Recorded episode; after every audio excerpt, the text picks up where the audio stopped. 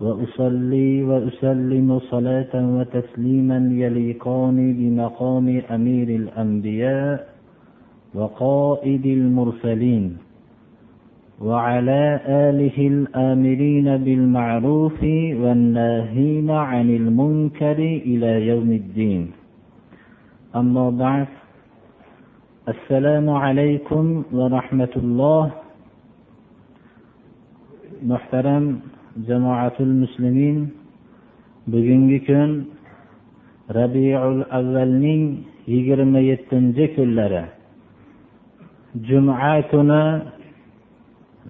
sayyidul ayyom va hajjul masokin alloh subhanahu va taoloning ummati muhammad sollallohu alayhi vasallamga marhamat qilgan ulug' bayram kuni bo'ladi.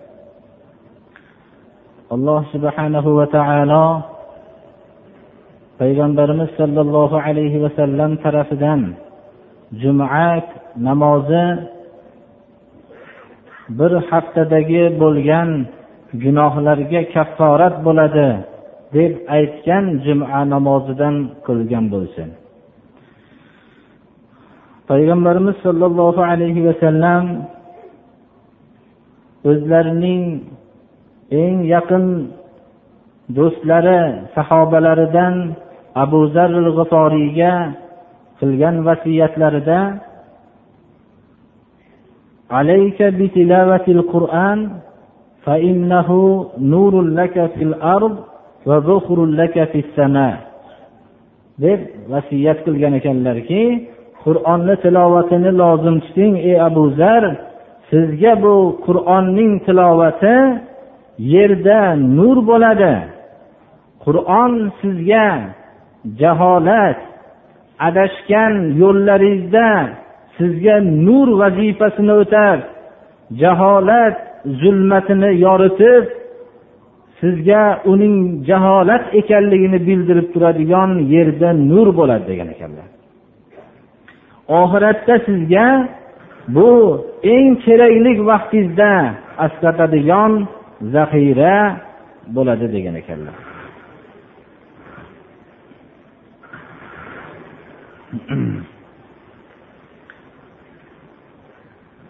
Har doimgi juma namozida davom etib kelayotgan qur'oni karimning darsini bizlarga ham yerda nur bo'lishlikka alloh tavfiq ato qilsin oxiratda zaxira bo'lgan bo'lsin.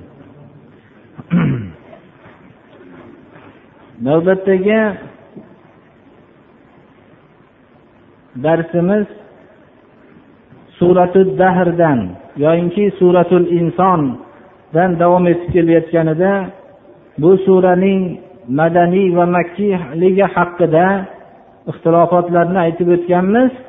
Ba'zilar madaniy deyishadilar ba'zilar makkiy oyatlardan deyishadilar. Bu suraning makkiy bo'lishligi ko'proq makkada nozil bo'lgan suralar mavzusiga yaqinroqdir mana. Shuning uchun makkiy oyatlardan degan ma'qulroq bo'lsa kerak. Surani tafsiri oxirgi qismidan ma'lum bir miqdorda qolgan edi. Allohni madadi bilan shuni davom ettiramiz. أعوذ بالله من الشيطان الرجيم. بسم الله الرحمن الرحيم. إنا نحن نزلنا عليك القرآن تنزيلا. فاصبر لحكم ربك ولا تطع منهم آثما أو كفورا. واذكر اسم ربك بكرة وأصيلا. ومن الليل فاسجد له وسبحه ليلا طويلا. Alloh subhanahu va taolo surai dahrda yuqorida ollohning hukmiga bo'ysunmagan kishilarning qiyomatda qo'llari oyoqlariga kishan solinajak ekanligini bayon qilib ollohni hukmiga bo'ysungan yetimlar haqqini bilgan asirlarni ozod qilgan kishilarni o'zlari moli davlatga muhtoj bo'la turib muhtoj o'rinlarga bera olgan xudodan qo'rqqan kishilarni oxiratda hamma kishilar dahshatda turgan soatda bularga misli ko'rilmagan ko'z ko'rmagan quloq eshitmagan lazzatlar rohatlarni zikrini uzun bayon qilgandan keyin bu jannat zikrining uzoq davom etishligi haqida aytib o'tdik. Dunyoda islomga amal qilmoqchi bo'lsangiz islom yo'lidan to'suvchi kishilar sizni yo qo'rqitish yo'li orqasida sizni yo'ldan burib olmoqchi bo'lishadilar. Bu o'zlarining qo'rqitish qurollari foyda bermagandan keyin ular sizni qiziqtiradigan narsalarni ko'ldalang qilishadilar. Mol shahvati bilan aldamoqchi bo'lishadilar. Jasad shahvati bilan aldamoqchi bo'ladilar. Martaba shahvatlari bilan aldamoqchi bo'lishadilar. Ana shuning uchun alloh taolo surasi dahrda boshqa suralar qatorida misli ko'rilmagan lazzat rohatlarni zikr qilib ey musulmonlar sizlar agar shu lazzatlarga aldanadigan bo'lsanglar sizlarga shunday dahshatli kunlarni olib qo'yganman. Bu dahshatlarga aldanadigan bo'lsanglar undan qattiqroq bir dahshatlarni olib qo'yganman. Bu lazzatlarga aldanmanglar chunki misli ko'rilmagan lazzatlar ollohning hukmiga bo'ysungan kishilarni kutib turibdi degan mazmunni aytdik mana alloh taolo janobi rasululloh sollallohu alayhi vasallamga marhamat qilib mana shu oyat kalimani tushirdiki biz sizga qur'onni yigirma uch yil muddatda bo'lib bo'lib tushirdik. Tanzil kalimasi inzol kalimasi bilan o'rtasidagi farq tanzil bo'lib bo'lib tushirilishlik. Inzol birdan tushirilishlik mazmuni bor. Shuning uchun shu ma'noda beryapmiz qur'onni biz sizga tushirdik. Qur'onni hukmiga amal qilmoqchi bo'lganingizda sizni yo'lingizda nihoyatda ko'p mashaqqatlar bor. Bu mashaqqatlarga siz rabbingizni hukmi kelguncha sabr qiling. Ularning ichidagi jinoyatchi fosiqlarga yoyinki mutlaqo ollohni inkor qilgan kofirlarga itoat qilmang degan oyat nozil bo'ldi. Ular sizni har qanday har xil yo'llar bilan aldamoqchi bo'lishadi. Siz ularning fosiqlariyu kofirlariga itoat qilmang degan oyat tushdi. Janobi rasululloh sollallohu alayhi vasallamni makka mushriklari ko'p narsalarni ko'ldalang qilishardilar. Makka mushriklarining eng peshvolaridan bittasi payg'ambarimiz sollallohu alayhi vasallamning huzuriga kelib kelishmoqchi bo'ldi.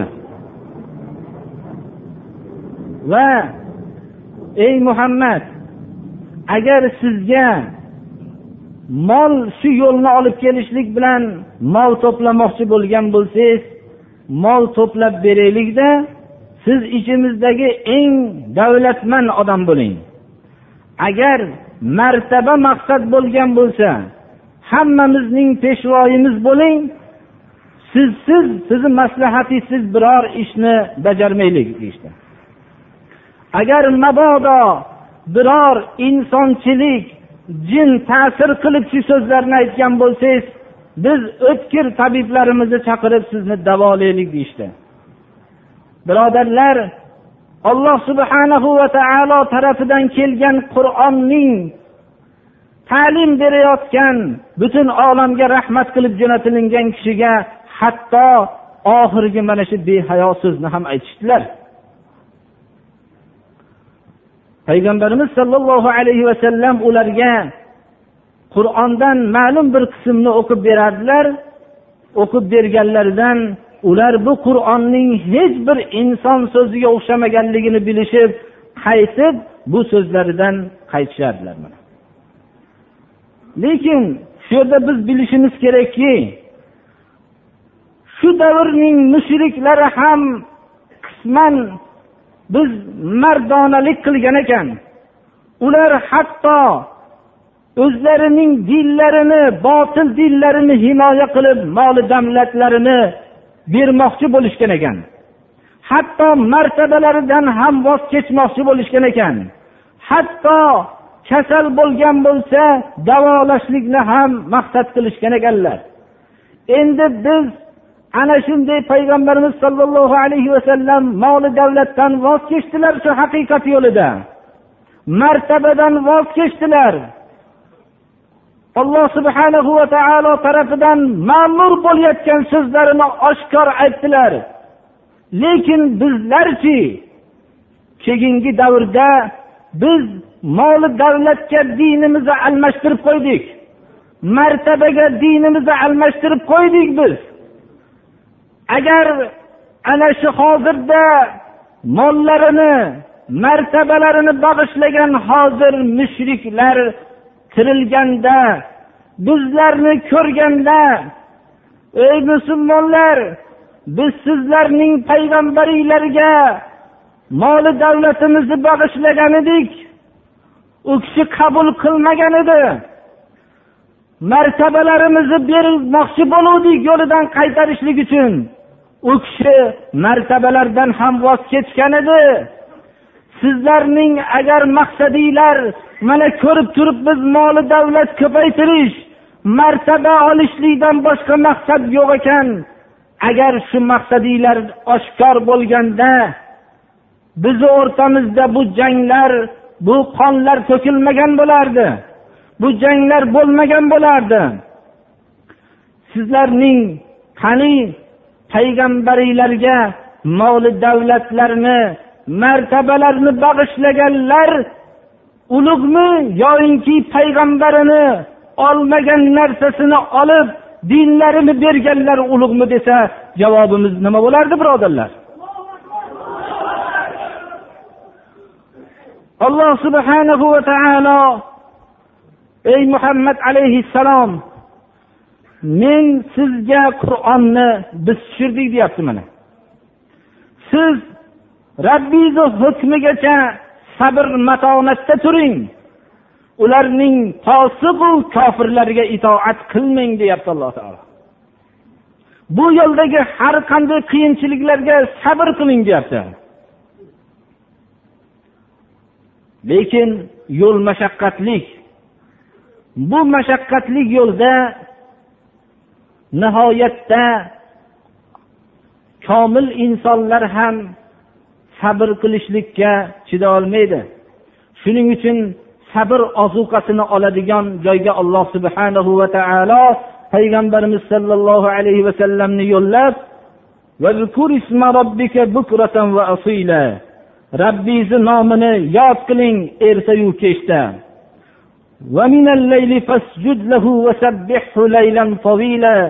Kechada rabbingizga sajdaga bosh qo'ying.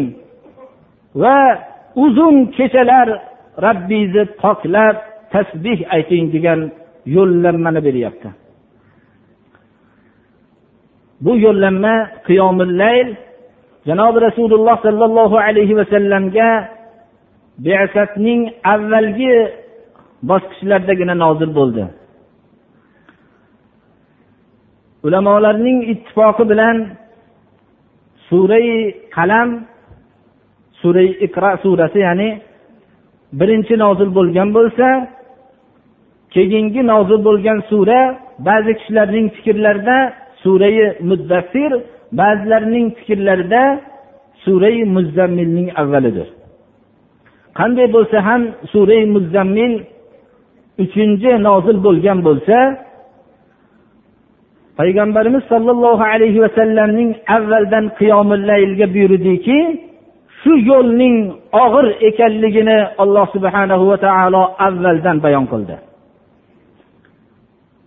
Payg'ambarimiz sollallohu alayhi vasallam qiynalib o'ralib turganlarida jibril alayhissalomdan vahiyni qabul qilishlik og'irligini tortib turganlarida jibril alayhissalom ey o'ralgan turing.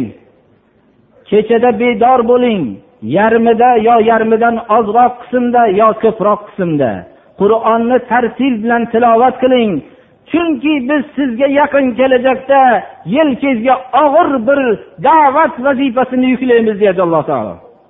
Da'vat haqiqatda og'ir. Da'vatni qilgan kuningizda haqiqiy da'vat qilgan kuningizda sizga do'st bo'lib yurgan odamlar dushmanga aylanadi. Janobi rasululloh sollallohu alayhi vasallam qirq yoshlargacha hammaning oldilarida hurmatli kishi bo'luvdilar. U kishining hatto makka xalqi muhammad amin deb laqablashgan edi. Qirqqa kirganlaridan keyin haqiqiy da'vatni boshlaganlaridan keyin u kishining shallariga tamomiy yer yuzidagi eng yomon odamlarning laqablari qo'yila boshladi. Sehrgar shoir kazzob shu nomlarni shu zotning umrida biror bir o'rinda omonatga xiyonat qilmagan biror marta yolg'on gapirmagan zotning haqida shu laqablarni qo'yishdi. Nima edi u? U da'vatni boshlaganliklaridan keyin shu nom qo'yilgan edi. Da'vat alloh subhanahu va taoloning yo'liga haq so'zni aytgan kuningizdan boshlab sizning boshingizga bo'xton toshlar otiladi. Bo'xton toshlar otilganda siz o'zingizni vujudingizda haqiqatni ko'rib turib odamlar tarafidan aytilayotgan narsa bo'ston ekanligini ko'rganda nihoyat darajada alloh subhana va taolo matonat bermasa bunga hech kim sabr qila olmaydi birodarlar. Lekin masalaning boshqa tomonini agar ko'rsak bunga hamd aytmoqlik kerak. Katta ustozlarning bittalarini oldiga shogirdlari borib ustoz men endi odamlarning qilgan bo'xtonlarga chiday olmayman. Ulardan albatta qisos olaman endi. Deganlarda nima sabab bunga dedilar? Meni haqqimda kazzob butun yolg'on gaplarni hammasini bo'xton qilishyapti dedilar. Shunda aytgan ekanlar ustozlari yig'lagan ekan. Bu ne'matni sen shukrini ado qilolmaysan dedilar. Aytdilarki nimaga bu menga ne'mat bo'ladi meni haqqimda bo'lmagan so'zlar deganlarda javob qilgan ekanlarki men bizni odamlar shunday falon zot piston zot deb maqtashyaptilar lekin odamlar bizlarning haqlariga shunday ulug' sifatlarni qo'yishyaptilar. Lekin bu sifat menda yo'q dedilar. Bular odamlar o'ylagandan men pastroq martabadaman. Ammo sening haqqingda odamlar shuncha narsalarni aytishyapti ekan lekin sen odamlar aytgandan ko'ra ulug'roq ekansan. Ertaga qiyomat kunida mahsharda hammamiz tirilsak odamlar bizni shunday ulug' zot deb yurgan bo'lsa u odamlar aytgandan biz past chiqsak sen odamlar o'ylab gapirib yurgandan oliy chiqsang sharmandalik bizga bo'ladi senga bo'lmaydi degan ekanlar. Ana bir tarafdan haqiqatda og'ir lekin ikkinchi tarafdan masalani tekshirsangiz bunga hamd aytmoqlik kerak birodarlar. Modomiki siz haqiqat yo'lida harakat qilayotgan bo'lsangiz. Ana payg'ambarimiz sollallohu alayhi vasallam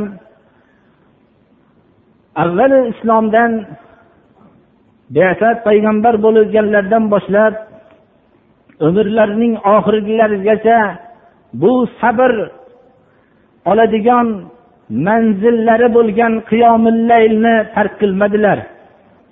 Hatto oyoqlari ishib ketgan yara bo'lib ketgan kunlarda u kishiga yo rasululloh siz qiyomillaylda endi bas qiling sizning o'tganu kelajak gunohlaringizni hammasini alloh taolo mag'firat qildi deganlarida mening hamma gunohimni mag'firat qilinganligiga shukur aytuvchi banda bo'lmaymanmi dedilar. Shukronasiga bedor bo'lay dedilar ana. Ana bu kishi alloh subhanahu va taoloning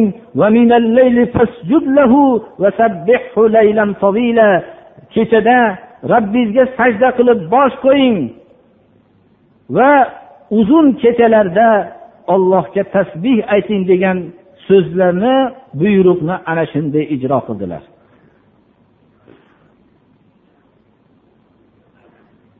إن هؤلاء يحبون العاجلة ويذرون وراءهم يوما ثقيلا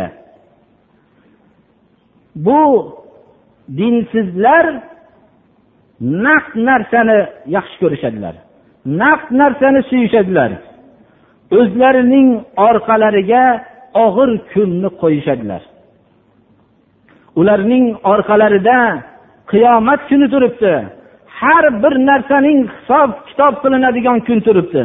Ular ana shu kunni hech hisob qilmasdan ish qilishadilar. Shuning uchun ularning qilayotgan ishlari hammasi xatoni tashkil qiladi. Bular bor naq narsani suyishadilar. Shuning uchun haqiqatchi kishilarga ham oxiratni o'ylab ish qilayotgan kishilarga ham shu dunyo hisobi bilan gaplashmoqchi bo'lishadilar. Valid payg'ambarimiz sollallohu alayhi vasallamning oldiga tanho kelib ham molimni hammasini beray eng davlatman odam bo'ling shu yo'lingizdan qayting dedi. Tabiiy payg'ambarimiz sollallohu alayhi vasallam rad qildilar. Rabia kelib quraysh xalqining ichida eng qizlari chiroyli bo'lgan kishi menman dedilar. Agar shu yo'ldan qaytsangiz men qizimni nikohlayman bemahr dedi. Ana shunday narsalar bilan aldamoqchi bo'lishardi. Chunki ular o'zlari dunyoning bor narsasi moli davlatu jins shahvati deb o'lchashadilar shuning uchun naqd narsani yaxshi ko'rganliklari uchun ular oxiratni hisob qilmasdan ish qilishadilar نحن خلقناهم وشددنا أسرهم وإذا شئنا بدلنا أمثالهم تبديلا biz ularni ular o'zlarining kuch quvvatlariga ishonishib g'ururlanishyaptilar biz ularni yo'qdan bor qilib yaratdik ularning a'zolarining hammasini biz mahkamladik asrohum kalimasi asrun bog'lash ma'nosida. Bu yerda murod butun bo'g'illar kinoya bundan hamma bo'g'illarini toylar bilan tomirlar bilan biz mahkamladik ularni. Ularning g'ururlantirayotgan g'ururlanishayotgan quvvatning markazidan beparvo bo'lishmasin. Bu quvvatlarni alloh subhanahu va taolo bergan. Bu quvvatlarning g'ururlanish zuafolarga ozor berishlik uchun berilgan emas bu ollohning hukmini ijro qilishlik uchun berilgan.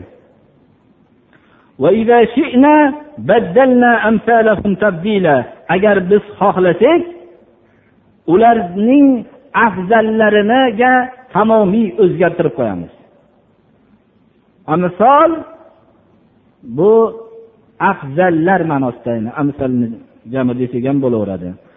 Biz agar xohlasak ularni tamomiy hammalarini halok qilib ularning o'rniga ulardan afzallarni qo'yamizki alloh subhanahu va taoloning hukmiga bo'ysunib turadigan. Lekin allohning sunnati shunga joriy bo'ldiki ularni tamomiy ummati muhammad sallallohu alayhi vasallamni payg'ambarimiz sollallohu alayhi vasallamning barakotlari bilan kelajakdagi o'tgan payg'ambarlardagi bo'lgan balolarni olloh bulardan ko'tardi mana. إن هذه تذكرة فمن شاء اتخذ إلى ربه سبيلا bu qur'on oyatlari maviza pand nasihat dinda bu pand nasihatni birov uning majburlashi yo'q buni kim xohlasa rabbiga bog'lovchi rabbiga olib boruvchi yo'lni olib amal qilsin mana kim xohlasa alloh subhanahu va taolo tarafidan kelgan oyatlarni bilib bunga amal qilib ollohning ya'ni tarbiyat kunandasining huzuriga olib boruvchi yo'lga ergashib ollohning huzuriga borib olloh va'da qilgan rohatlarga erishsin. Kim xohlasa alloh taoloni buyruqlarini voz kechib buyruqlaridan ollohning hozirlab qo'ygan azobiga borsin mana. bu qur'on oyatlari maviza pand nasihat kim xohlasa rabbiga olib boruvchi yo'lni olsin mana وما تشاءون إلا أن يشاء الله إن الله كان عليما حكيما sizlarning xohishinglar alloh subhanahu va taoloning sizlarni mana shunday tabiat bilan yaratganligini xohlashligining namunasidir u.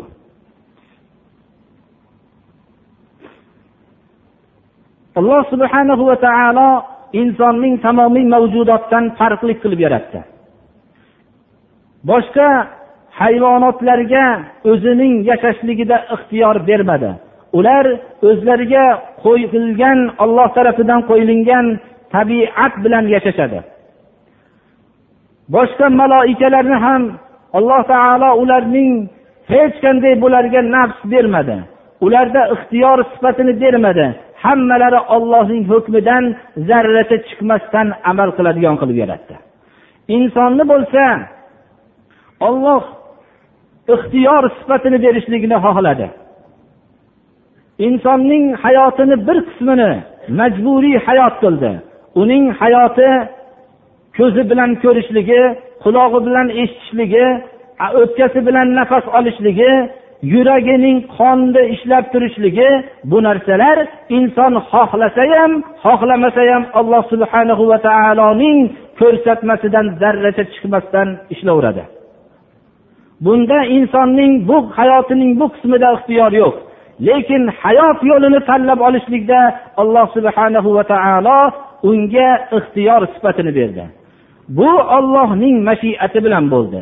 Sizlardagi yo'lni tanlab olishlikka bo'lgan xohish alloh subhanahu va taoloning mashiatisiz emas degan mazmunni bildiradi. Sizlarning xohlayotgan sifatinglar olloh sizlarning ana shunday bo'lishinglarni xohlashligining samarasidir degan mana o'ziga berilgan ixtiyoriy hayotda ba'zilar foydalanib ollohning va'da qilgan rohatlariga erishadi. Ba'zilar bu ixtiyor sifatida imtihondan yiqilib ollohning hozirlab qo'ygan azobiga borishadilar. Kalimasining mazmuni nihoyat darajada bilib olinishliklari kerak ko'pchilikka. Sizlarning xohishinglar sizlardagi xohish bu tabiati ollohning sizlarni mana shunday yaratishligidan kelib chiqdi birodarlar. Olloh sizlarning shunday yarat shunday bo'lib yaratilishinglarni xohlaganligidandir bu degani alloh taolo qanday yaratishligini biluvchi qanday yaratilganda olam muvozanati bo'lishligini dono biluvchi hakimdir mana يدخل من يشاء في رحمته والظالمين أعد لهم عذابا أليما olloh xohlagan bandasini o'zining rahmatiga dohil qiladi bu degan ma'no alloh subhanahu va taolo hidoyatni insonlarga insonlar xohlasa ham xohlamasa ham yalinib beradigan narsa qilmadi balki insonlarning o'zlariga berilingan ixtiyor sifatlaridan foydalanib ollohning hidoyatini umid qilgan kishilarni o'zining rahmatiga kirgizishlikni xohladi. Agar hidoyatni xohlamasdan zalolatni tanlab zalolatda yursam deb billah shuni xohlagan kishilarni zalolatiga kirgizishlikni xohladi. Hidoyatni xohlamasalar ham beradigan arzon narsa qilmadi buni. Alloh taolo xohlagan bandasini ya'ni o'zidan hidoyatga madad so'ragan kishini rahmatiga dohil qiladi. Agar hidoyatni xohlamasa zalolatiga dohil qiladi ma'nosi mana yuqoridagi suralarda ham avvalgi suralarda ham aytib o'tdik mashiati ilohiya haqida mana.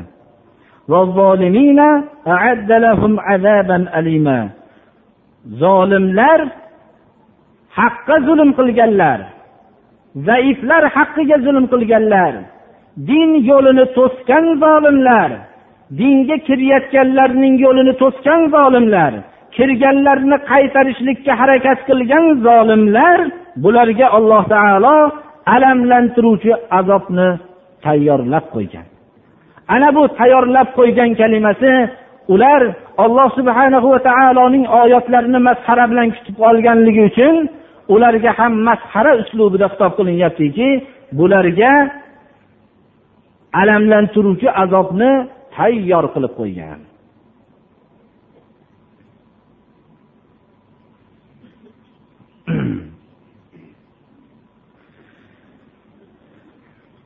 Mana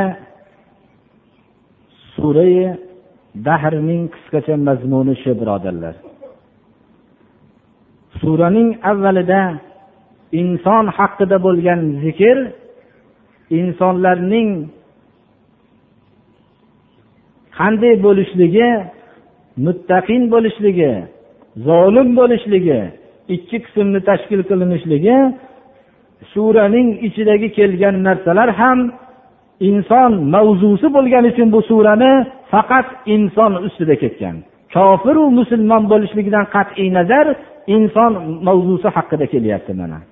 Ba'zi insonlar alloh subhana va taolo tarafidan berilingan ixtiyor sifatidan foydalangan insonlarning va undan foydalanmasdan balki suiiste'mol qilib zalolat yo'lida bu ixtiyorlarni ishlatganliklarini oqibatlarini bayon qilishlik bilan mana sura oxiriga yetdi mana.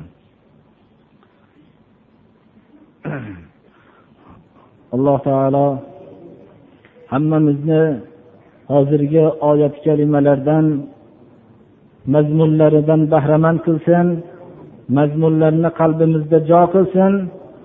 Yashayotgan hayotimizda shu oyat kalimalarning mazmuniga muvofiq hayot kechirishlikka alloh tavfiq bersin. Bu hozirgi qur'oni karimda aytilayotgan mana zolimlar qiyomatgacha bor bu. Shu zolimlarga ham dunyoda o'zining kuch quvvatlari bilan mag'rurlanib ketmasdan hidoyatni nasib qilsin.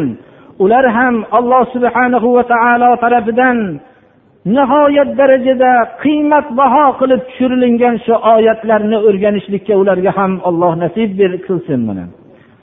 Shu qur'onning oyatlarini bilganda bu insonlar bu darajada qur'onga qarshilik qilmagan bo'lardi. Lekin afsus ular ko'pchiliklari bilmaydi. Bilishlikni xohlamaydiganlari ham yo'q emas ularni ichida. Alloh subhanahu va taolo shularni ham islom diniga xayrixoh qilsin اللهم احسن عاقبتنا في الأمور كلها وأجرنا من خزي الدنيا وعذاب الآخرة. اللهم ألف بين قلوب المؤمنين في المشارق والمغارب واجمع كلمتهم. اللهم عليك أعداءك أعداء هذا الدين. اللهم أعز الإسلام والمسلمين وأذل الشرك والمشركين. واقمع أهل الريب والفساد والشرك وصلى الله تعالى على خير خلقه محمد وآله وأصحابه أجمعين. الله alloh taolo to'g'ri yo'lda yurishlikka alloh taolo tavfiq ato qilsin allohu akbar الذي خلق السماوات والأرض وجعل الظلمات والنور ثم الذين كفروا بربهم يعدلون. هو الذي خلقكم من طين ثم قضى أجلا وأجل مسمى عنده ثم أنتم تمترون وهو الله في السماوات وفي الأرض يعلم سركم وجهركم ويعلم ما تكسبون وما تأتيهم من آية من آيات ربهم إلا كانوا عنها معرضين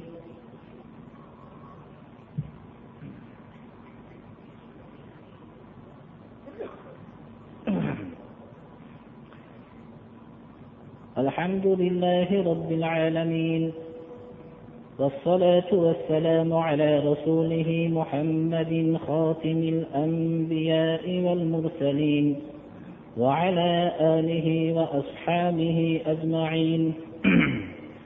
أعوذ بالله من الشيطان الرجيم. إن الله وملائكته يصلون على النبي يا أيها الذين آمنوا صلوا عليه وسلموا تسليما.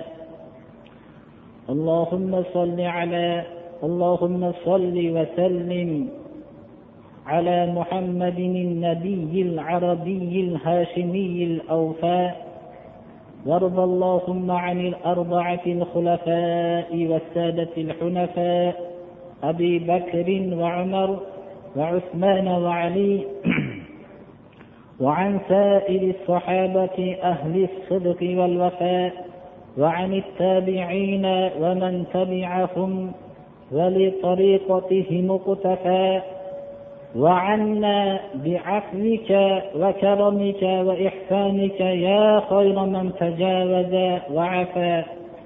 اللهم أعز الإسلام والمسلمين وأذل الشرك والمشركين واحمي حوزة الدين واجعل مطمئنا جميع بلاد المسلمين.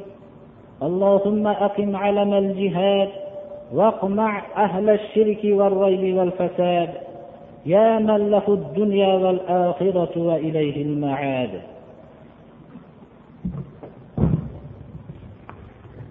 الرحمن الرحيم. اللهم تقبل منا إنك أنت السميع العليم. اللهم تقبل منا هذه الصلاة واعف عنا مع جميع نقصاناتها بفضلك وكرمك يا أكرم الأكرمين ويا أرحم الراحمين.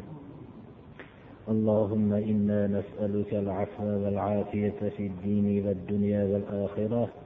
اللهم استرنا بسترك الجميل. اللهم احفظنا يا فياض من جميع البلايا والأمراض اللهم إنا نعوذ بك من الكفر والفقر والجبن والكسل ومن فتنة المحيا ومن فتنة الممات ومن فتنة المسيح الدجال ومن فتنة عذاب القبر وأن نرد إلى أرذل العمر. اللهم ألف بين قلوب المؤمنين في المشارق والمغارب واجمع كلمتهم. اللهم عليك أعداءك أعداء هذا الدين. اللهم أعز الإسلام والمسلمين وأذل الشرك والمشركين. وصلى الله تعالى على خير خلقه محمد وآله وأصحابه أجمعين. الطاهرين الطيبين وارحمنا واحشرنا معهم برحمتك يا أرحم الراحمين. من الشيطان الرجيم.